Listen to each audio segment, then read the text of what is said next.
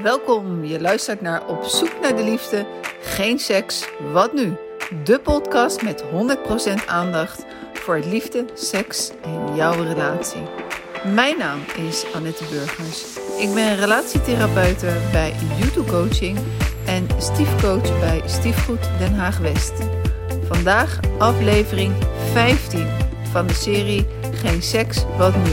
Waarin ik in gesprek ga met Jeroen Hendricks, bijna 25 jaar getrouwd en medeoprichter en eigenaar bij Fabriek 69 en Vlam Magazine. Ik help liefdeskoppels goed en beter met elkaar te communiceren, zodat er echt verbinding, begrip en dus meer rust en harmonie in de relatie ontstaat en de liefde kan bloeien. Wil jij samen met je partner een gratis online gesprek van 30 minuten? Meld je aan info at youtubecoaching.nl met code podcast93. Ben jij geïnteresseerd in relaties, intimiteit en seksualiteit? Abonneer je dan op Vlam Magazine. Elk kwartaal komt er een nieuw nummer, woordenvol met informatie, geschreven door inspirerende professionals. Hou me vast is een tweedaagse training die ik geef in Den Haag.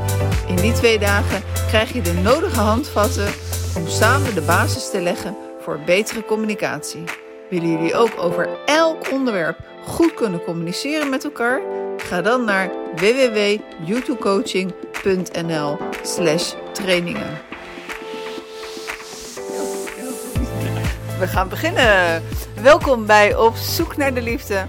Geen seks, wat nu?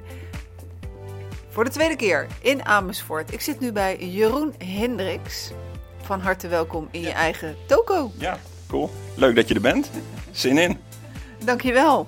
Uh, hoe zou jij jezelf voorstellen als je een heel belangrijk iemand die jij graag zou willen spreken in de lift tegenkomt en in een pitch, dus ja, ik zeg eventjes minder in een minuut, Mhm. jezelf moet voorstellen? Wat zeg je dan? Nou, dat ik Jeroen ben, dat ik 46 ben, dat ik getrouwd ben, inmiddels zo'n eh, nou, 23 jaar. En dat ik twee prachtige dochters heb, waar ik super trots op ben. Eh, Eva en Sarah. En die zijn 9 en 14. Dus dat ik da ja, daar ben ik echt super trots op. En ehm, dat ik werk doe wat ik alleen maar leuk vind eigenlijk. En eh, dat is in de, in de wereld van relaties, intimiteit, seksualiteit. En ja, daar run ik Fabriek 69 en Vlam, daar gaan we het nog wel over hebben. Dus dat is eigenlijk alleen maar leuk. En vervolgens dat ik een aantal hobby's doe die ik ook eigenlijk daaromheen heerlijk vind. En dat is vooral sporten en eh, sport kijken. Dus ja, en met mijn gezin zijn.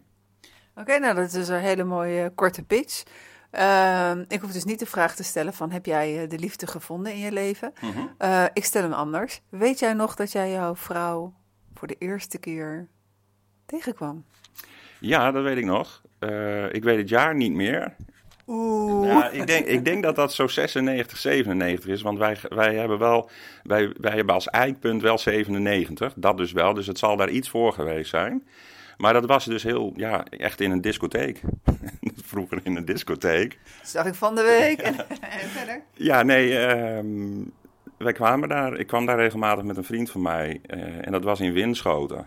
Dus dat is in het noorden van het land, want daar kom ik oorspronkelijk vandaan. Dat kan je nog wel een heel klein beetje horen. Ja, dat krijg je er ook niet meer uit. En dat ga ik ook niet proberen. Nee, en ja, goed. Eh, ik hield nogal van, van- gewoon echt van dansen, housemuziek. En ik ging ook veel naar house, housefeesten. En toen kwam ik daar op een gegeven moment en daar zag ik haar. En nou, zo is dat een paar zaterdagen doorgegaan, dat je elkaar ziet, weet je wel. En nou, even hoi. Nou, en dat, ja, dat werd steeds wat meer. En eigenlijk, na verloop van tijd, was niet eens zo heel lang, denk na een maand of twee, ja, hadden we toch eigenlijk wel goede gesprekken. Zijn we ook gewoon eens na, de- voor de discotheek of als we daarheen gingen, eens een keer ergens wat gaan drinken en dat soort dingen. Dus ja, een beetje op die manier. Beetje, ja, een beetje, een beetje ouderwets misschien, maar eh, wel zoals het gegaan is. En wat vond je gelijk leuk aan haar? Ja, eh, meteen haar, eh, dat zag ik wel meteen. Haar ogen was met, dat, dat was meteen goed. En later ook Dus ietsjes later, dus als je iets meer in gesprek bent, de, actief, de activiteit, zeg maar, gewoon eh, hoe actief ze is. Creatief en actief, dat was wel iets wat mij enorm aansprak. Niet van dat, nee, gewoon lekker pit, ja, dat is het juiste woord. Pit in, zat pit in. En dat heeft ze nog steeds? Ja, ja, ja, gigantisch. Of heeft ze, want het blijkt ook wel dat je soms wat je in het begin heel erg leuk vindt, dat je dat later soms wel eens irritant gaat vinden. Ja. Eh, maar vind je het nog steeds leuk, de pit? Ja, ik vind de pit nog steeds leuk. En nou ja, dat is ook wel gedurende de, de relatie die we hebben. Soms sloeg dat ook wel eens wat door.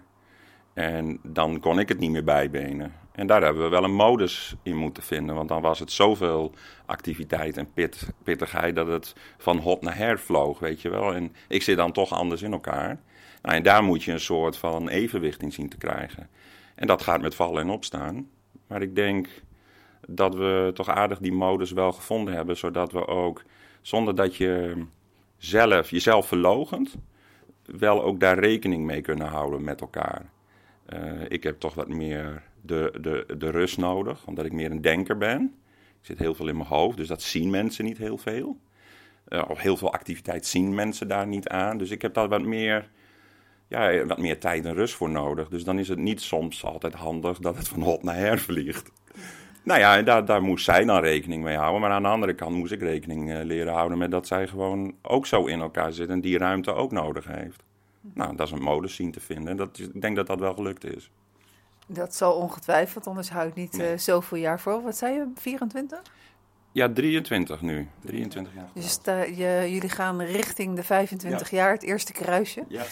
Wat dat betreft. Um, als je nou bijna 25 jaar bij elkaar bent, dat is in deze tijd best wel een prestatie. Hè, met alle verleiding die ontzettend dichtbij ligt. En uh, alles wat, wat, omtrent, wat er gewoon voor relaties bij komt kijken. Wat is dan de kracht van jullie relatie? Het is heel cliché, maar het is wel echt zo. Het is vertrouwen hebben in elkaar. Dat is echt zo. En ik vertrouw, ik vertrouw haar 120%. En zij mij ook. En uh, uh, ik heb daar ook nooit eigenlijk een soort van twijfel bij haar over gevoeld. Um, ik, nou ja, in het werk wat ik doe, ik, daar zitten veel meer vrouwen uh, zeg maar, dan mannen. Dat is gewoon een feit. Nou, en zij, zij, vertrouwt mij daar volledig in. Dat, dat daar niks in, tussen aanhalingstekens, fout in gaat. En sowieso praten we heel veel met elkaar. Dat hebben we in de, loop wel geleerd. Zo van, uh, nou, als er wat is, dan, dan praat je met elkaar daarover. En ja, eigenlijk, eigenlijk dat wel. Dat is echt wel. De, onze basis is dat stuk, dat vertrouwen. Vertrouwen en ook praten, hoor ik je zeggen. Ja, ja zeker. En dat, als ik dan kijk weer naar onze twee karakters, uh, dat heb ik vooral heel erg nodig. Uh, omdat er juist zoveel in mijn hoofd rondgaat. Um, ja, ik heb dat ook gewoon echt wel nodig. Om gewoon over dingen te kunnen praten. En niet tot in Sint-Juttemus, niet tot in treuren van uh, doorzagen, doorzagen. Maar gewoon wel, uh, wat houdt je bezig? Waar voel je je niet fijn bij? Waar zit je ook vooral mee? Dus ja. En uh, nu is het zo dat voor een goede relatie, hè, zeggen we dan dat je een dagdeel per week echt wel quality time samen moet hebben. slash uh, een half uur per dag. Uh, nu noemde jij al wat, een aantal zaken op waar jij mee bezig bent, waar we zo verder op ingaan. Maar kom je aan die quality time? Oh, dat gaat ook met ups en downs. Ehm, zelfs, ik, ik, ik snap heel goed wat jij bedoelt met die quality time en een halve dag. En ik merk dat dat voor ons niet werkt op die manier. Ehm, maar wij zorgen wel, dat, en dat is met nu we kinderen hebben, zeg maar. En, dat we wel elkaar niet uit het oog verliezen. En ja, of dat kan ook gewoon thuis, weet je. Dat hoeft... Hoe doe je dat dan? Wat bedoel je? Nou, elkaar niet uit het oog verliezen. Um, dat is dus dat je inderdaad dus weer over wat ik zei over dat praten, dat je dat dus blijft doen. Uh, dus niet alles uh, zelf maar willen bedenken of oplossen, proberen op te lossen. Nee, dat proberen samen te doen. En ja, onze quality time zit ook gewoon. Wel, kijk, wij gaan ook eh, nu even wat minder, maar wij gaan ook echt wel gewoon lekker naar concerten en dat soort dingen.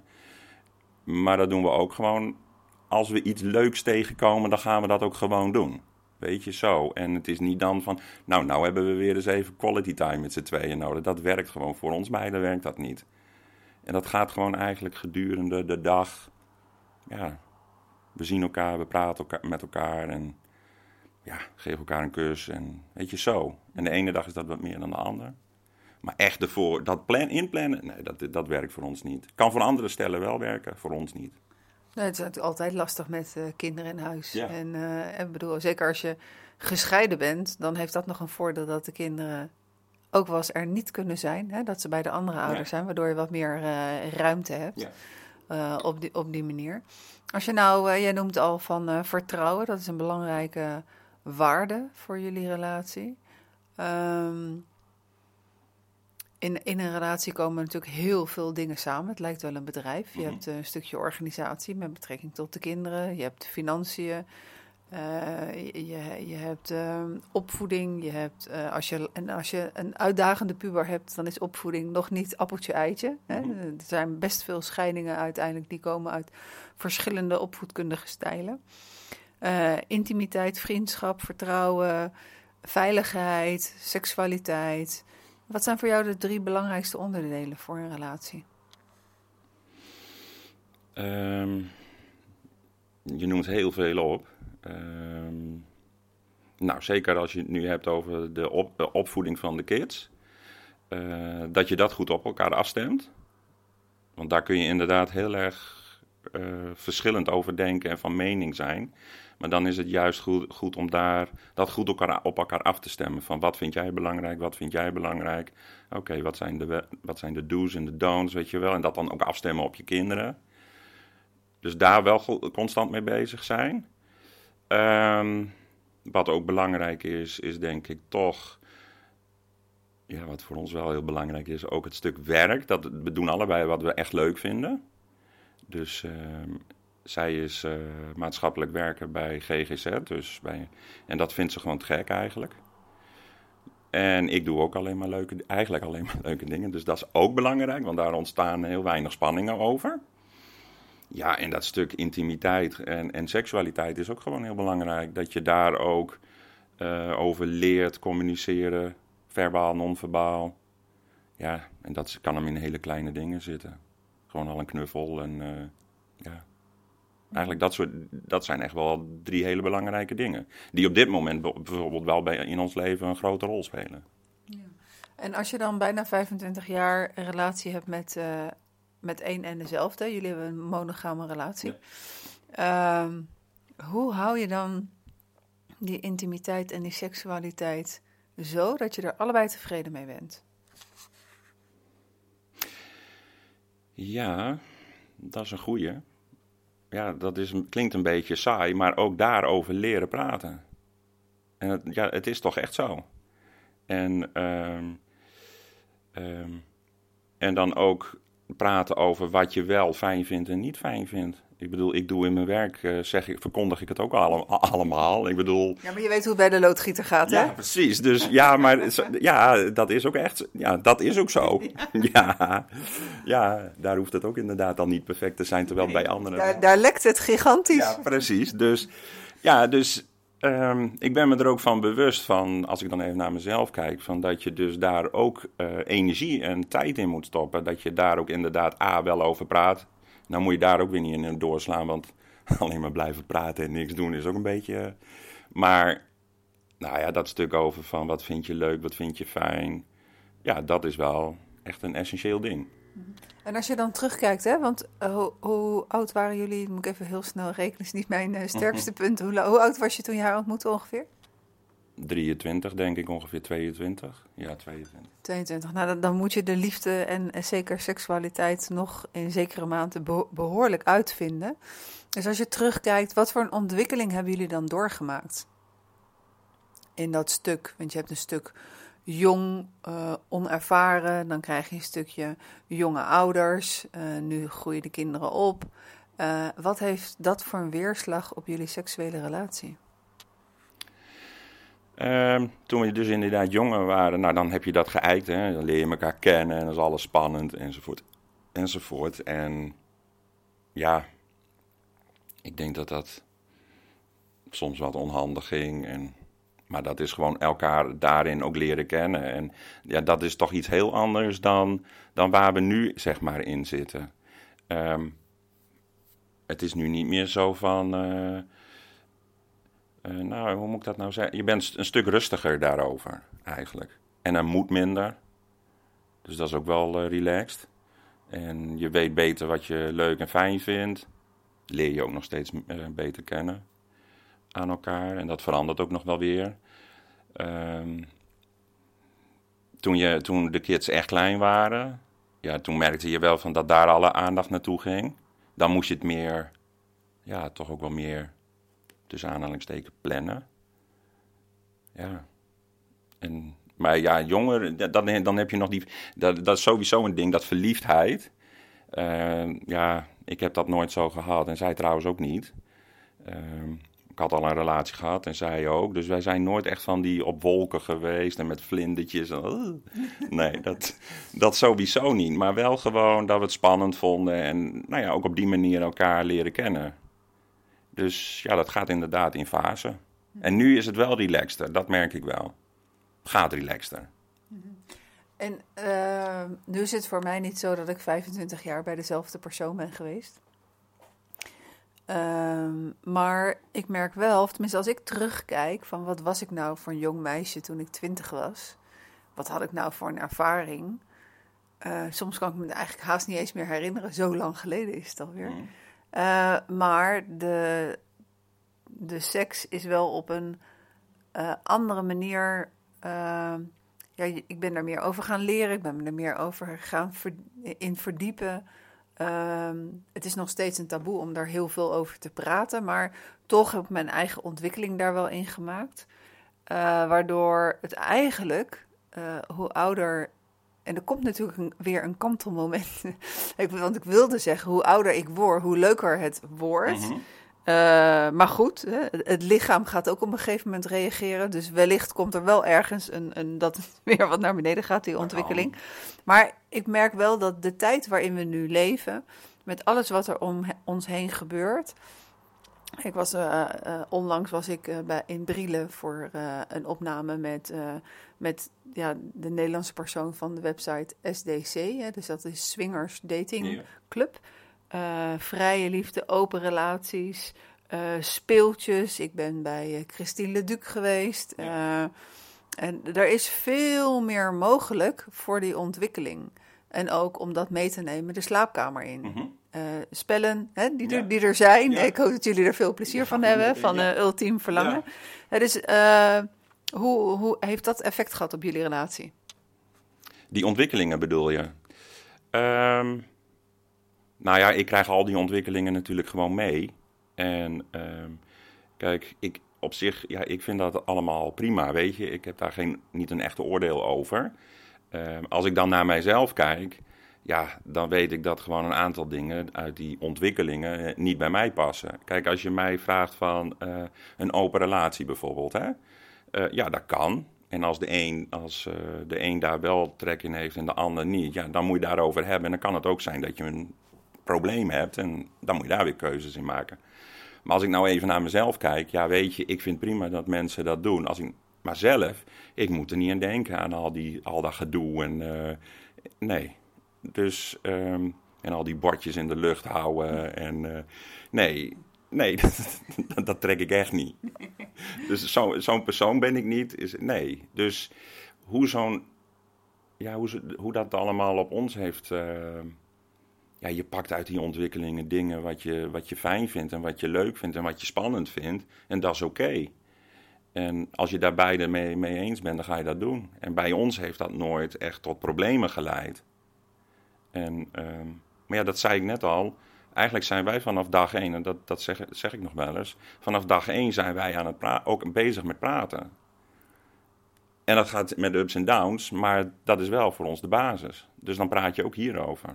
Hoe lastig dat dat soms ook is hoor. Ik bedoel, het is niet altijd even makkelijk. Nee, en ik kan me ook voorstellen, jullie hebben natuurlijk allebei een praatberoep, hè, maatschappelijk werkster. En, uh, hoe ben jij ooit uh, met uh, Fabriek 69 en Vlam, uh, was dat al een droom van jou toen je een klein jongetje was? Nee, absoluut niet. Ik wist niet dat ik hier ooit in terecht zou komen met, met dit werk. Nee, ik ben, als ik dan kijk naar, naar mijn opleidingverloop, ik ben van MAVO naar de MEAO gegaan, een economische opleiding. Nou, totaal iets heel anders. Ik heb een gigantisch leuke tijd gehad. Het is een driejarige opleiding. Ik heb er vijf jaar op gezeten. Ik heb nog geen diploma van de MEAO gehad. Weet je, dus dat was een toffe studententijd. Maar...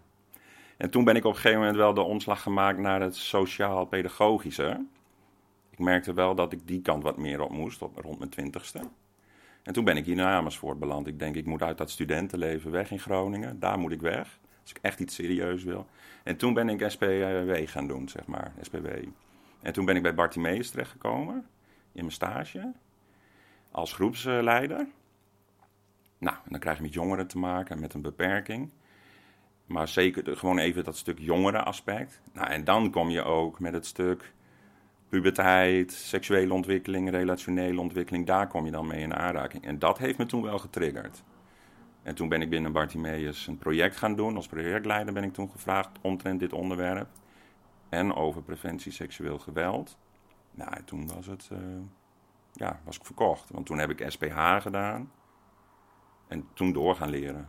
Dus ja, en dat resulteerde in dat ik een samenwerking aanging met mijn collega Christel, die ook bij Fabriek 69 zat.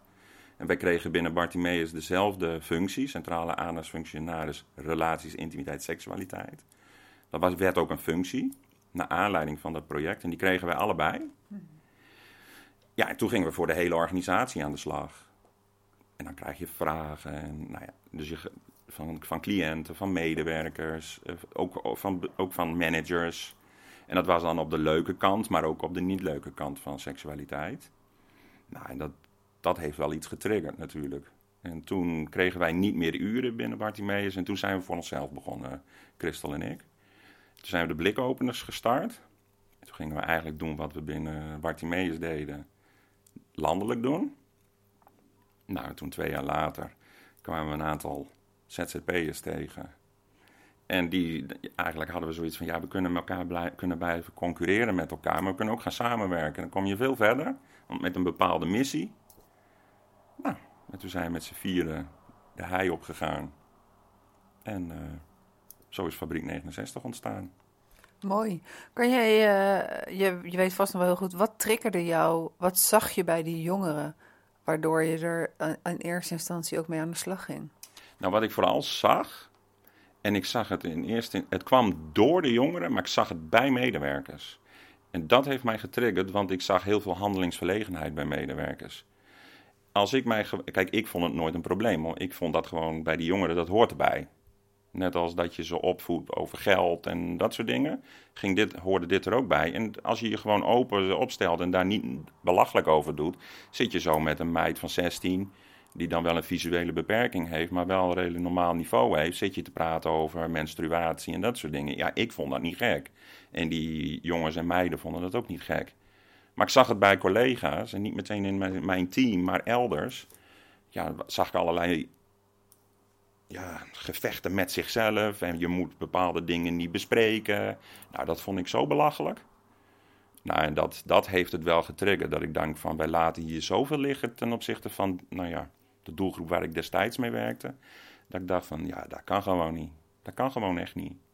Je ontneemt ze zoveel uh, kennis en vanuit die kennis ook weer plezier.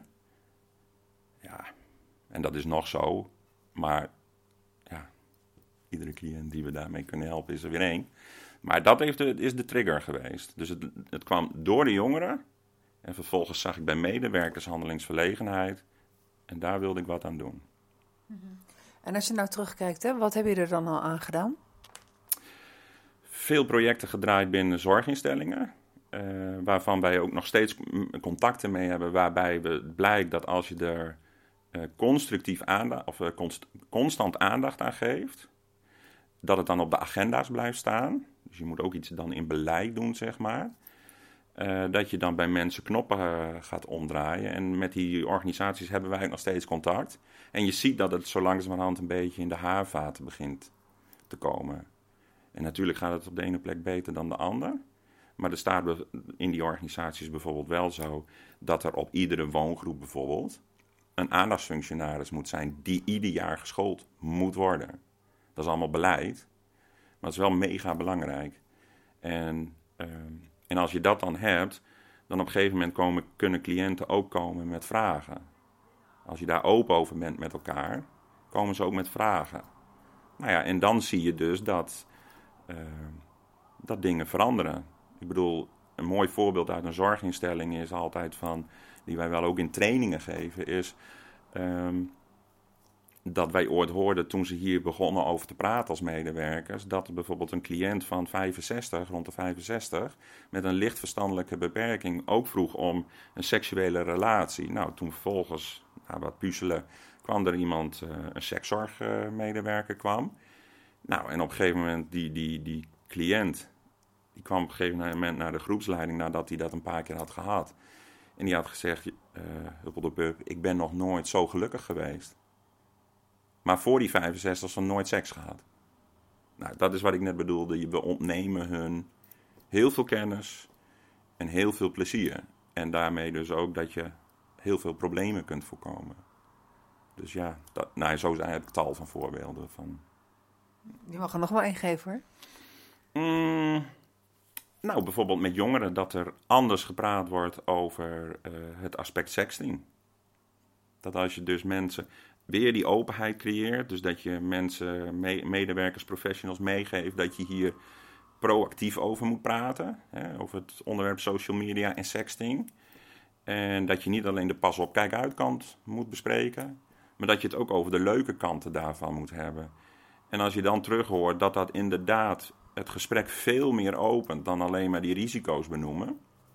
Nou, dan denk ik, ja, die kant moeten we met elkaar op. Dus dat is ook zo'n voorbeeld. Ik weet dat van een groep dat daar dus opener over gesproken wordt. En dat dat dus nu ook niet meer zo'n taboe onderwerp is, weet je. En uh, als cliënten dan vragen hebben, komen ze gewoon bij je. Nou, gewoon met elkaar doen. Mm Jeroen, um, Los van dat ik uh, mijn coachpraktijk heb en relatietherapie en stiefcoach, werk ik nog twee dagen per week op school. Mm Het is een grote school in Den Haag. Uh, met duizend leerlingen, met ongeveer uh, afkomstig vanuit meer dan 60 nationaliteiten. Stel dat daar nog niks zou gebeuren behalve het stukje schoolwerk van klas 2 naar klas 3, seksuele voorlichting in de beperkte vorm, zoals het op helaas nog heel veel scholen gaat. Hè? Ja. Als jij die school onder je vleugels in, je hand, in je handen zou krijgen. Uh, want ik denk namelijk dat, dat er op scholen nog een wereld te winnen is. wat, wat, wat zou jij met die school in jouw handen, wat zou je daarmee doen? Nou, ik zou sowieso gewoon die vakken wel blijven geven. Want dat, dat is ook belangrijk. Alleen ik zou zorgen dat er meer in de cultuur van, school iets, van een school iets verandert. Dat je dus als school hier ook een taak in hebt met elkaar. Het praten over relaties, intimiteit, seksualiteit. Eh, en de leuke kant, of eh, de niet leuke kant, maar ook de leuke kanten. En dat je dus als leerkracht ook uit het dagelijks leven dingetjes moet pakken die je kunt behandelen met elkaar. En, ehm, en dat scholen of leerkrachten dan niet alleen maar zeggen van ja, dat is een taak van de ouders. Ik ben het met ze eens, dat is ook een taak van de ouders. Een hele belangrijke taak. Daar is ook nog een wereld te winnen. Maar het is ook een taak van school. Zeker ook om dingen te signaleren onbespreekbaar te maken. En, ehm, en dat kan zijn over niet, niet leuke eh, seksualiteit kanten, maar ook over de wel de leuke kanten. Wat ik net noemde, dat sexting verhaal. Ja, praat daar ook eens op school over. In de klas. En niet één keer, dus een half uurtje, of iemand uitnodigen. Nee, heb het daar gewoon eens over. En, maar het heeft vooral met een cultuursverandering wel te maken, denk ik. En dat zit hem al in van, ja, daar zijn de ouders voor. En ouders denken, ja, daar is grotendeels de school voor. Ja, dan mis je ook iets volgens mij. En je noemde net al hè, de handelingsverlegenheid. eh, bij in dit geval dan docenten. Mhm. geen, geen mensen op de groep, maar, maar docenten. Eh, ja, de een vindt het nou eenmaal makkelijker om over seks te praten en, eh, dan de ander. Ehm, wat zou je als, als school daaraan kunnen doen? Om, om de handelingsverlegenheid, om die weg te nemen? Of, eh, Nou, dat begint heel saai eh, bij dat het hoger management, dat is echt zo, dat, het hoger management, en dan be- bedoel ik echt bestuursniveau ook, zegt dat we dit een belangrijk onderwerp vinden.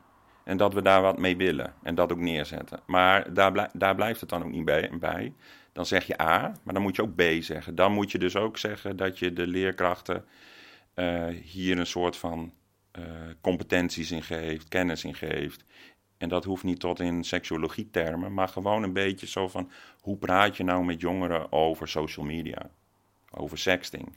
En hoe praat je nou met deze jongeren, die doelgroep die jij net noemde, die geven zelf ook heel erg aan. We willen het niet alleen maar over de pas op kijk uit kant hebben, maar we willen ook weten de fijne kanten van seksualiteit en een relatie. Ehm, hoe, hoe flirt ik met een meisje of met een jongen, weet je wel zo. Ehm, wat vind ik, hoe weet ik dat een meisje of een jongen iets fijn vindt, dat wat ik bij hem of haar doe. En ja, daar, dan moet je een soort cultuur gaan creëren dat dat oké is dat, om daarover te hebben met elkaar. En de een kan dat makkelijker dan de ander en dat is ook niet erg, als het maar gebeurt. En ook omdat de jongeren het zelf aangeven. En mm, nou, ik denk dat je daar dan de, de leraren of de docenten een soort van voeding in moet geven. En ook zeggen van, jullie mogen dit doen. Want ik hoor ook heel vaak, en dat is zowel op basisonderwijs als in het wat, wat daarna komt, hoor ik ja, maar als ouders dit. En als ouders dat. En dan gaat het ook over de andere culturen. Ja, dat zijn allemaal beren op de weg gooien om het er niet over te hebben. Dan moet je in gesprek gaan met elkaar. Maar mijn ervaring is, is dat eigenlijk heel veel, nou ik durf haast wel zeggen, 80 tot, tot 90 procent van de ouders het oké vinden. Als je ze maar uitlegt waarom je dit doet. En, en dan tackle je al heel veel. Ja. En eh, Fabriek 69, eh, eh, jullie doen ook heel veel om, om, de, om de scholen, zorginstellingen, om die trainingen aan te bieden. Eh, gratis webinars zag ik voorbij komen. Wat doen jullie allemaal? Nou ja, wij geven inderdaad trainingen binnen zorg, welzijn en onderwijs. En, eh, en dat kan erg liggen bij de kinderopvang tot in de ouderenzorg. En ehm, nou ja, dat zijn trainingen of workshops of lezingen bij congressen. Eh, altijd wel op een interactie- interactieve manier. Omdat nou ja, wij er heilig van overtuigd zijn dat dat het beste eh, leert, zeg maar. Krijgen we ook heel vaak terug dat dat oké, dat dat goed is. Online doen we dat dus nu ook. Eh, vanwege de corona zijn we heel veel online eh, gaan doen. Dus makkelijker gelijk het hele land meenemen. Ja, precies. het, het vergt soms even wat omschakelen, maar dat is ons gelukt. En eh, ook online doen we het interactief. En doen we webinars en, en, en online ja, trainingen. Dus ja, eigenlijk heel veel. En we, we doen dat op gebied van eh, de positieve kant van relaties, intimiteit, seksualiteit, als ook op de negatieve kant. En dan moet ik er ook bij zeggen, we- wij doen ook het op kindermishandeling, huiselijk geweld en seksueel geweld. En iedereen van ons heeft wel een beetje ergens een, soort specialisatie in. Dus, maar dat, ja, eigenlijk doen we dat allemaal. Eh, wa- waar zit, eh, op, op welk vlak van de gebieden die jij net genoemd hebt, waar zit jouw, je grootste pijnplek, wil ik niet zeggen, je grootste raakvlak, je grootste missie op? Mijn grootste missie is wel, eh, naast van de zo- gezonde seksualiteit, dat dat veel meer, nou ja, veel meer de, eh, in de samenleving ehm, hoe ingebed moet zijn. Zit mijn ding echt wel op het stuk signalering van kindermishandeling, huiselijk geweld en seksueel geweld. Omdat ik daar, ja, dat pakt mij gewoon en dat ik denk van daar is nog zo ongelooflijk veel werk in te doen. En dat je moet signaleren als professionals, sowieso als professionals. En dat je daarin ehm, ja, niet, niet weg mag kijken. En niet weg kan kijken wat nog veel te veel gebeurt.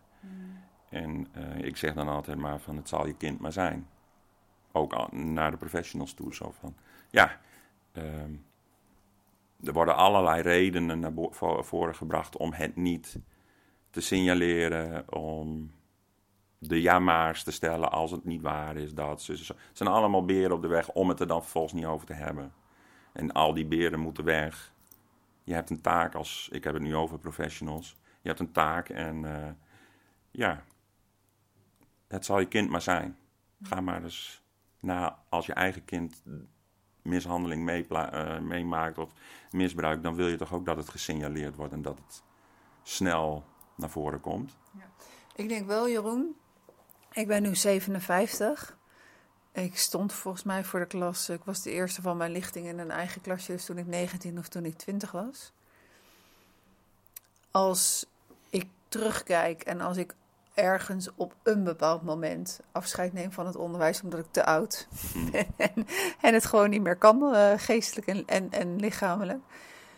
Uh, dan is dit wel een van de dingen, want ik het, we hebben het er nu over, maar ik heb mezelf vaker afgevraagd, waar ik me schuldig van kan voelen uh, dat ik misschien ook inderdaad bepaalde dingen niet heb gezien, want het is zo godvergeten.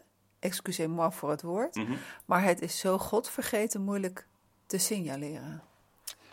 Ja, dit horen wij vaak hoor. Ook van dat we ook van, met name ook op scholen horen we dit vaak. Van dan heb ik heel wat gemist. En mijn antwoord, mijn ons antwoord is dan ja. Dat is waarschijnlijk ook zo. En ik zelf denk ik ook dat ik dingen gemist heb in toen ik groepsleider was. Alleen er is nu zoveel meer kennis dan tien jaar geleden, dan vijf jaar geleden. Al zoveel meer onderzoek gedaan. Um, jij zegt over dat het moeilijk is om te signaleren. Um, ja, aan de ene kant wel, maar dat heeft meer te maken met onze eigen afweer tegen de thematiek. Daar ben ik inmiddels wel van overtuigd. Van dat we het eigenlijk niet willen zien. Uh, want dan moeten we er wat mee. En het komt heel dichtbij.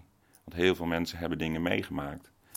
En ja, ik zeg altijd: als jij een onderbuikgevoel hebt bij een bepaalde situatie, bij een kind of een jongere, Blijf niet lopen met dat onderbuikgevoel. Ook al kun je het niet hard maken. Maar dat gebeurt nog wel heel veel. Dat er dus een onderbuikgevoel is. Ik zal, die, vragen worden dan gesteld. Ik zal het wel niet goed gezien hebben. Ik zal het wel niet goed geïnterpreteerd hebben. Wat nou als ik het verkeerd zie? Wat nou als, als ik het wel meld en diegene is onschuldig?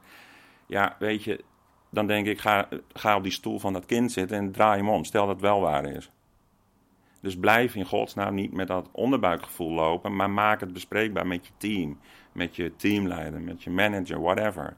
Maak het bespreekbaar. Haal dit onder, deze onderwerpen uit de taboesfeer. Dat geldt over de, de gezonde seksualiteit, maar ook over dat negatieve stuk. Blijf er niet mee lopen. En wij hoeven dan niet op zoek naar de waarheid. Daar zijn weer andere trajecten voor. Dat gaat nu te ver, maar daar zijn weer andere. En dat is allemaal wel, kan allemaal goed geregeld zijn professionals moeten echt dat stuk van dat signalering serieus nemen en hun onderbuikgevoel ook serieus nemen. Maak het bespreekbaar. Ja, en ik kom vanuit het basisonderwijs, daarna ben ik naar het VO gegaan. Mm Het basisonderwijs heb je, nou ja, als je fulltime werkt, heb je een hele week een klas. Dan leer je die kinderen ook veel beter kennen dan in het voortgezet onderwijs. Um, ik wil niet zeggen dat het makkelijker is, maar je ziet ze gewoon meer. Mhm. dus ik zie nu op, uh, ik, ik heb gedeelde klassen. Dus ik zie kinderen één keer 50 minuten per twee weken. En dat is niet om mezelf goed te praten. Maar in het VO kom je dat ook tegen. Dan zijn sommige dingen wat lastiger. Mm Jeroen, ik wil uh, doorstappen van fabriek 69 naar, naar seksuologie en, en naar vlam. Ja. Wat, wat, wat was er eerst? Je studie seksuologie of ja, uh, vlam? Ja, dat was eerst. Ja, eh, we hebben nou, fabriek 69, zeg maar. En dan vervolgens, ja, dan kom je echt van alles tegen. Je doet van alles. En eigenlijk kwam, kwam ik eruit van... Ehm, ik zie zoveel in de media, uh, op tv, internet, tijdschriften... voorbij komen over seksualiteit. Negatief of positief, maakt even niet uit. Waarvan ik dacht, tenenkrommend soms. En soms ook zo kort door de bocht. En soms zo zwart-wit en zo stereotyp. dat ik dacht van, en er zijn ook goede dingen hoor, ik bedoel dat ook, maar ik dacht ook van, er, moet gewoon veel meer, wat ik allemaal tegenkom aan, aan informatie, maar ook aan wat professionals allemaal doen, dat moet gewoon veel meer onderbouwd worden. Ehm, dus ik kwam er wel steeds meer achter dat er steeds meer behoefte is aan eerlijke, juiste informatie over relaties, intimiteit, seksualiteit. Voor iedereen, positieve en negatieve kanten. Nou, dan ben ik eens over na gaan denken. En toen dacht ik van, nou, hoe tof zou het zijn om daar eens een, misschien eens een magazine over te gaan, eh, gaan maken. Maar daar kwam je studie of je, je vijfjarige economie kwam misschien daar nog wel heel erg goed van pas. Ja, sommige dingen vallen dan ook wel, eh, wel samen. Ik bedoel, ja, dat stukje dat ondernemen, dat zit er dus eigenlijk wel gewoon in. En ook wel een beetje, ja, een beetje, ook wel een beetje zakelijk doordenken. En dat heb ik daar ook nog wel een beetje van mee. Ja, dus dat, eigenlijk valt alles heel goed samen. Dus, eh, nou, dan ontstaat zo'n idee, idee en dan praat je daar met mensen wat over. En toen vorig jaar, ergens in oktober, toen, eh, ja, daar zat nog een traject aan vooraf. Maar toen, oktober, november, toen verscheen het eerste nummer, zeg maar. En eh, je hebt hier stapels hier achter liggen. En ik vroeg, eh, ik, pak, ik pakte deze. Ja. En toen vroeg ik aan jou van, ja, is er een andere voorkant die je mooier vindt? Maar toen zei je van, nee, deze is eigenlijk het mooiste. Ja. Kan je de betekenis eh, aangeven? Nou, het leuke daarvan is, is dat wij deze heb ik met de vormgevers eh, al een tijd geleden gemaakt. Deze lag gewoon eigenlijk op de plank. En ehm, ja, zoiets ontwikkelt zich dan. En dit is dus eigenlijk, je hebt hier zeg maar de penis. Nou, en dan een stuk, eigenlijk, ja, je, eigenlijk zien mensen, die zien eerst een luciferstokje Ja. en een vlammetje daarop. Vandaar vlam, dat is, heel, dat is heel grappig. Maar hij is ook zo gemaakt dat je dus een penis in kan zien en een vulva, nou ja, whatever. En dat is eigenlijk, ja, blijven liggen. En wij dachten nu zoiets van, het wordt nu tijd om die, die te plaatsen. Dit heeft een van de vormgevers gemaakt. En eh, toen we aan het brainstormen waren over wat vlam eigenlijk is en wat het moet gaan worden. Dus dit ligt al een jaar. En we hadden nu zoiets van, dit moet er nu op. En het zijn allemaal vers- verschillende koffers. Op de ene koffer staat dan dit en dit is dan meer een illustratie. En de andere koffer is weer, eh, zijn weer twee mensen. Dus ja, maar dit vind ik wel heel wijs, omdat eh, deze al een tijdje ligt. En die dubbelzinnigheid dat erin zit. En dat is wel heel gaaf. Ja, ik, ik dacht ook een, een lucifervlam inderdaad. En Maar je hebt natuurlijk allemaal van die, van die plaatjes. Wat zie jij hierin? En dat betekent dan of je bent super intelligent of, of niet. Of, eh, Ja. eh, heel leuk, ik zie hier eh, Mirjam staan. Die heb ik net natuurlijk ook geïnterviewd. Superleuk. Ehm, je studie seksuologie, wat was ook weer de reden dat je die ging doen? Dat was aan, naar de hand van wat ik binnen Bartimeus deed. Dat zijn, ik deed dat project. Daar was ik voor gevraagd, omdat ik echt, nou ja, ehm, drive had op dit thema. En de organisatie wilde er wel wat mee. Dus die wilde dat breed in gaan zetten. Dus toen heb ik een project gedraaid. Nou, en toen werd ik ze wel zo getriggerd dat ik dacht van, oké, we gaan door. En toen heb ik dat erbij gedaan. En dat werd toen ook betaald door de organisatie. En nou, zo. Dat is mooi meegenomen, Ja. zo'n eh, zo'n dure studie. Want hoe lang heb je erover gedaan? Ehm, nou, ongeveer anderhalf jaar ben ik daarmee bezig geweest. Want ik had natuurlijk al wat vooropleidingen leidingen gedaan. En ehm, ja, toen heb ik dat bij de Rino heb ik dat gedaan. Ik weet niet of je dat wat zegt, maar... Ja, ik heb ook gekeken. Ah, oké. Dus bij de Rino ben ik daarmee bezig geweest. En ik had wel altijd al voor mezelf, want die, die stap heb ik niet gemaakt. Ik heb wel altijd voor mezelf gedacht, ik wil niet de behandelkant op van het seksuologie deel. Want, ehm, en dat, dat is ook uiteindelijk een goede keus geweest, want daar ligt niet mijn, mijn drive, daar ligt, daar ligt niet mijn hart. Ik, wil, ik hoef niet per se ehm, met cliënten een, een behandeltraject in te gaan. Ik wilde echt, met, wat ik eigenlijk net al zei, met de, me- met de medewerkers, met de professionals, ehm, die kant op, ze voeden, vragen beantwoorden. En dan krijg je wel eens casussen van, van cliënten binnen en dat is ook prima. Maar als die dan bijvoorbeeld een traject nodig hebben, dan verwijs ik door. Omdat ik daar gewoon, nou, dat is niet iets wat, dat, nee, dat wil ik gewoon niet, dat past niet. Ja, eigenlijk hoor ik je zeggen kennis delen. Ja, vooral kennis delen. Ja, En ook steeds weer opnieuw laten voeden. Dus ik volg nog van allerlei cursussen en, en dat soort dingen, congressen. En, dus ik ben, ja, eigenlijk wel altijd probeer ik op de hoogte te zijn van de laatste info. Dus ja, zo. Geen moment uh, om, om te rusten, want de, de wereld draait natuurlijk door, en, en er is uh, steeds meer uh, info. En dat, dat hoor je ook van mensen die dan wel een idee hebben om een boek te schrijven. Mm -hmm. Maar ja, er gaat zoveel kennis, elke keer komt er weer nieuwe kennis, tenminste als het hierover gaat. Dat je dan denkt van nou, ik kan wel weer een, een update schrijven. Um, Vlam, wat zijn je plannen daarmee? Ja, nou, uh, ik wil van Vlam eigenlijk in de nabije toekomst, daar zijn we nu al wel voorzichtig mee bezig, een multimedia platform gaan maken. Kijk, het, het, het, het tijdschrift, dat is ook al een bewuste keuze geweest van dat blijft, uh, dat blijft het hard. Zowel geprint als digitaal. Uh, en daar kan men een abonnement op nemen, men kan ze loskopen. Dat, dus dat blijft het hard. Uh, uh, kan je hem ook kopen strakjes bij, ook zie Ellen Lan ook staan, ja. met een mooi in, artikel daarover. Kan je hem straks ook kopen bij de Albert Heijn, bij wijze, of, of bij de Jumbo? Um, nou, dat weet ik eerlijk gezegd nog niet. Ik heb, ik heb, in een, ik heb al wel ervaring met een, het uitbrengen van een tijdschrift dat wel via uh, de, de geëikte verspreidingskanalen ging. Maar ik sta niet zo achter dat model. Het is een, een heel technisch verhaal. Maar het, laten we vooral... Ja, laten we vooral lekker daar. A, ik vind het zakelijk vind ik het uh, niet oké. Okay. En B, ik vind het ook geen duurzaam uh, traject. Als ik even kijk naar waar we de, op het moment in leven met de milieu en klimaat. Er, gaat heel veel, er wordt heel veel vernietigd. Laten we het daar maar op houden. En wat is de oplage nu?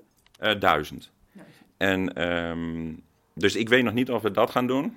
Ik, ik, ik neig meer naar niet. Dus dat men, ik, ik hoor hem. Ja, dus dat men meer uh, het gewoon via de website gewoon doet. Um, um, dus, dus gewoon op die manier. En, en digitaal dus ook. En dat willen we ook nog gaan uitdiepen. Digitaal geeft ook natuurlijk nog weer wat meer mogelijkheden met filmpjes en linkjes en dat soort dingen. Dus daar zijn we wel mee bezig nu op de achtergrond. Nou, multimediaal zei ik in de zin van dat we nu webinars uh, organiseren, maandelijks. Uh, doen we sowieso één webinar over een thema met een spreker. En dat kan uit binnen- en buitenland zijn. Dus we hebben nu tot en met mei uh, zitten we, hebben we gepland.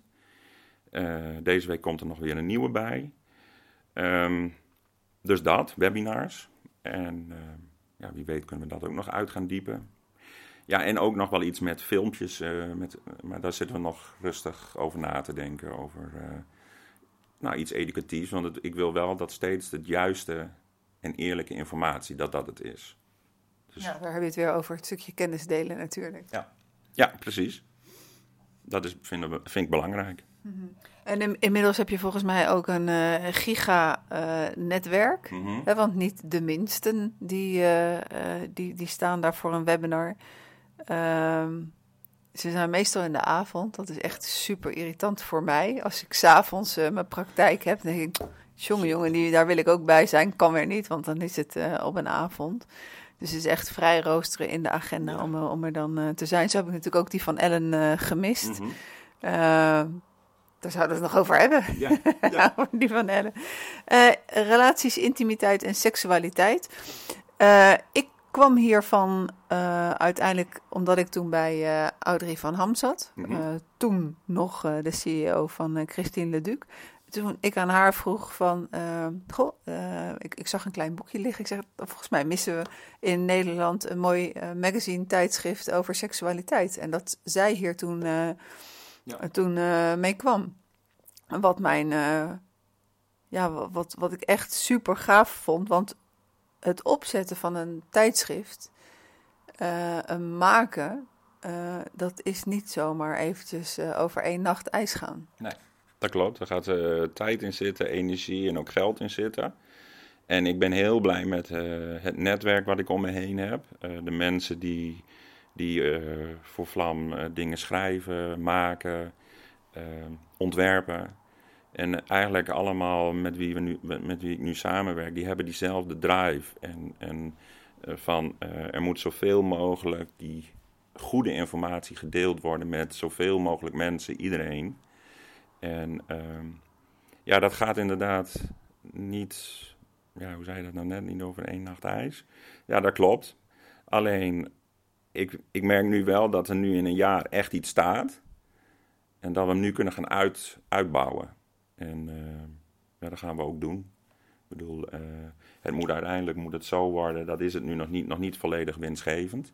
Maar het moet wel ook dat die kant op, zodat je eigenlijk het nog beter kan neerzetten.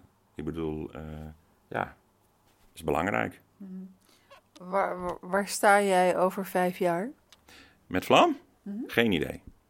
Zover kijk ik niet vooruit. Dat heb ik inmiddels wel geleerd, dat doe ik niet meer.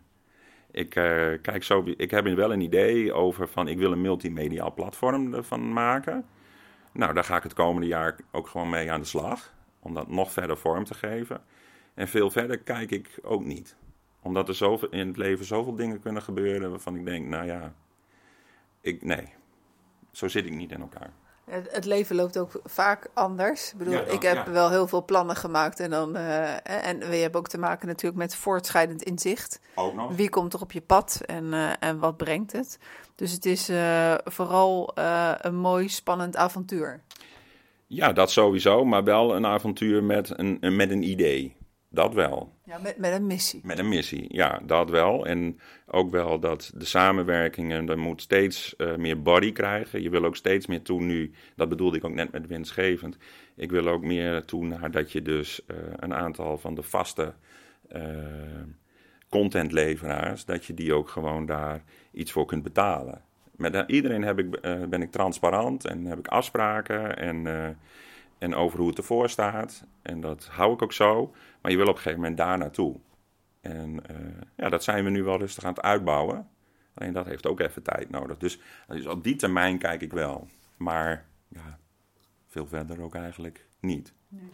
Ik zit hem zo net uh, stiekem een beetje, ik weet niet of, of degene die de videocast bekijkt, of die dat ziet, door te bladeren. Ik denk dat hij zowel uh, super interessant is voor, in Den Haag zeggen we voor uh, John en Anita uh, thuis. ja. Johnny en Anita. Ja. maar ook voor, voor professionals. Ja. Ik bedoel, het, het, het nieuwste staat er allemaal in.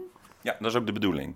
En wat jij zegt over dat stukje wat je net zei over Johnny, en dat noem ik altijd mijn buurman. Mijn buurman, en dat bedoel ik niet negatief. Je bedoelt niet dat die buurman Johnny en Anita... Nee, maar ook naar richting Johnny en Anita. Ik bedoel daar geen oordeel... Maar ik zeg altijd, uh, die meneer daar op de hoek, of mijn buurman of buurvrouw, die in principe niet in dit vak zitten, die moeten dit ook kunnen lezen. Dus uh, ik ben ook, uh, het is ook heel vaak zo, dan krijg je een artikel van, van een professional... En dan geef je hem eigenlijk weer terug met de redigeerder. Die, die, die, samen doen we dat dan. Van eigenlijk moeten dit, deze zinnen net even anders, want dat is vaktaal. En ik begrijp het dan wel. Mm. En de professionals zullen het wel begrijpen. Maar ik wil ook dat mijn buurman het begrijpt. Dus ja, die, dat is altijd wel een spannend dingetje. Van hoe, hoe zorgen we voor die balans? Nou, ik denk dat het tot nu toe aardig, aardig lukt. En natuurlijk, het een spreekt de ander wat meer dan het ander. Dat is logisch. Maar dat is wel een leuk ding. Van, moet een professional aanspreken. Maar ja, mijn buurman moet het ook uh, kunnen begrijpen en leuk vinden en interessant vinden. Ja. Als je nou, uh, uh, ik denk dat ik het antwoord wel weet hoor, maar ik wil te graag dat jij mm -hmm. het uh, vertelt. Um, wat wil je achterlaten als je, als je ooit hiermee stopt? Oeh, dus dan kijk je wel in de lange, op de lange termijn. Ja, maar dan kijk je vooral terug. Oh, zo, terug. Um, wat, wat, wil je achtergelaten hebben? Nou, ik zeg altijd dat met, als je kijkt naar Fabriek 69, dat je inderdaad gewoon een soort van verschil hebt ergens kunnen maken bij de professionals. In hun hoofd en in hun handelingsverlegenheid. En dat dat dan zijn effect heeft op de cliënten. Ik zeg altijd maar zo, als je één cliënt geholpen hebt, dan, dan, dan, dan is het al goed. Dat meen ik ook echt zo. Ik bedoel, dat van wat ik net vertelde over die 65-jarige cliënt. Ja, dat vind ik zo'n tof verhaal. Dan denk ik, yes, daar doen we het voor. Dus dat stukje. Als je ook met, bij de me mensen, als ik het dan even heb over waar mijn hart ligt met Fabriek 69, dat stuk signalering. Als je bij de mensen dat stuk erin kunt krijgen over van maak je onderbuikgevoel, maak dat bespreekbaar, blijf niet hangen, blijf niet lopen. Als je daar knoppen in kunt aan, draaien, is het ook geslaagd. Ik weet dat dat op plekken wel gebeurd is. Dus we gaan lekker door met dit werk. Als ik met Vlam kijk, ja, nou, als dat platform dan staat en dat, eh, nou, dan misschien toch op de lange termijn, als het dan sta, gestaat, ja, dat, dat iemand dat dan misschien overneemt. Maar dat je gewoon ook aan iedereen wel de juiste informatie hebt kunnen geven. En als mensen daar dan iets mee kunnen in hun privé of werk, is het ook goed. Dus de juiste informatie delen, hè, dat hoor ik een aantal keer Ja. zeggen. Dat is het belangrijkste. Ja, die kennis. En dat je dus eh, taboes met elkaar doorbreekt. En dat kan met betrekking tot een magazine, maar dat kan ook op tv met een programma. En nou ja, dat je daar een soort van linkjes in legt met elkaar als professionals.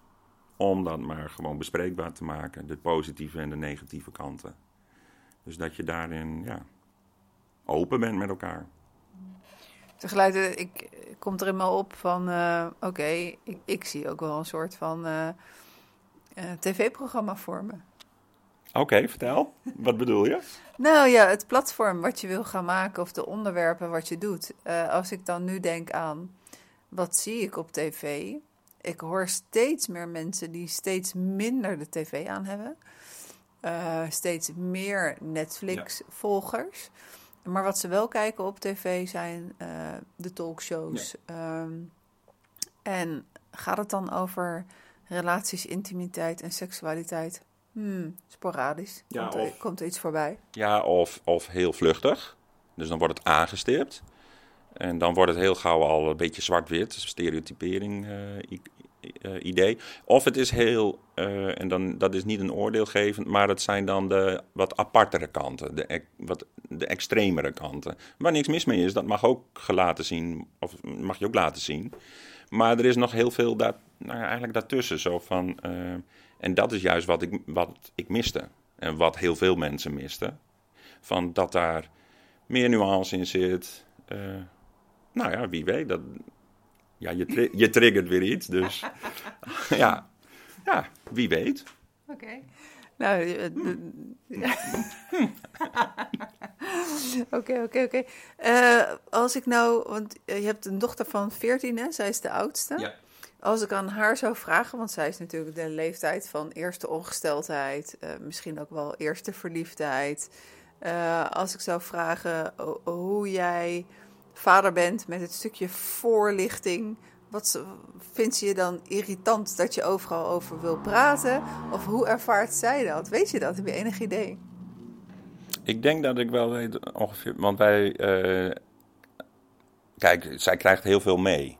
Dat sowieso al. Dus daar, dat is al wel iets anders dan ergens anders. Ik bedoel, Vlam ligt gewoon bij ons op tafel. En zij weet gewoon dat, dat ik dit maak. Sterker nog, zij helpt zelfs met het. eh, met bestellingen eh, wegdoen. En zij, zij beheert, eh, nou ja, ze doet met mij wel dingetjes met social media. En dat vindt ze ook heel tof. Dus zij is daar wel, ze, zij kijkt niet zo heel erg veel meer van op. Ehm, Ik denk dan dat ze ook wel, het klinkt ook wel dat ze heel erg trots is dat je dit doet. ja, want ze heeft al wel regelmatig, of ze dat doet, weet ik niet. Moet ze ook lekker zelf weten. Maar ze heeft wel eens gezegd van, ik ga later ook in fabriek 69. Moet ze helemaal zelf weten. Ik zeg, nou dat is leuk, maar er is nog zoveel anders. Prima. Maar dat is, vindt ze wel heel tof. Aan de andere kant is ze ook lekker puber. En dan, soms hoort ze me dan ook wel eens iets zeggen. En dan denkt ze, zegt ze ook van, nou, nou ophouden, weet je wel, nou kappen. Of als het dan iets te persoonlijk wordt, dat ze dan zegt, nou echt. Of als dat wij eh, bijvoorbeeld elkaar een kus geven of zo. Gadverdamme, eh, doe niet zo klef, weet je wel, zo. Heel normaal. Maar ze, ja, krijgt wel heel veel mee. En ze is van heel veel wel op de hoogte. Vind ik prima. Jeroen, we gaan zo'n beetje naar de afronding Ja. toe van, eh, van deze podcast. Welke vraag heb ik je niet gesteld? En zou je eigenlijk nog wel, toch heel erg graag, wel antwoord op willen geven? Goh, dat is een. Jeetje. Nee. Eigenlijk, nee. En ik wil ook nergens op terugkomen. ook niet. Nee. Je hebt al, eh, ik, vind, ik vind het wel lekker om daar zo over te praten. Nee. En ook de opbouw. Nee. Nee. Nee, oké. Eh, Vlam Magazine kan besteld worden via vlammagazine.nl, denk Ja, ik. ja. Helemaal. En eh, kom maar op, luisteraar. Hè? Ja, hoor. kom maar op. Eh, Ehm, dan kan die, eh, die oplage kan mooi eh, omhoog. Je, je kan hem dus één keertje, eh, één keer een losse bestellen en daarna kan je, als je het wat vindt, kan je ab- abonnee worden. Je kan, al- je kan altijd een los nummer bestellen. Dat, dat kan je tot in de lengte van dagen doen. Maar je kunt ook abo- abonnee worden. Dus dat, dat kan allebei. En je kunt digitaal een editie aanschaffen. En je kunt ook digitaal abonnee worden. Dus dat kan ook allebei. Ik heb mijn bril niet op, maar ik, ik zie ook niet staan wat hij nou kost. Ehm, het staat achterop volgens mij. Maar het is 9,95 los. Oh ja, en achterop staat, eh, er staat inderdaad, eh, oh wat leuk, een abonnement, een vlammend idee. Ja, Goed gevonden. ja. ja. Komt ook weer die eh, marketing in, de, in de economie. Jeroen, ontzettend bedankt Ja. voor dit gesprek en alle informatie die je ook hier, de juiste informatie die je gedeeld hebt. En succes verder met jouw missie. Dankjewel en jij ook bedankt. Superleuk om te doen. Oké. En voor de luisteraar en de kijker, over twee weken is er weer een nieuwe Op zoek naar de liefde. Geen seks, wat nu? En ik hoop dat je dan ook weer of luistert of kijkt met een nieuwe gast. Dankjewel.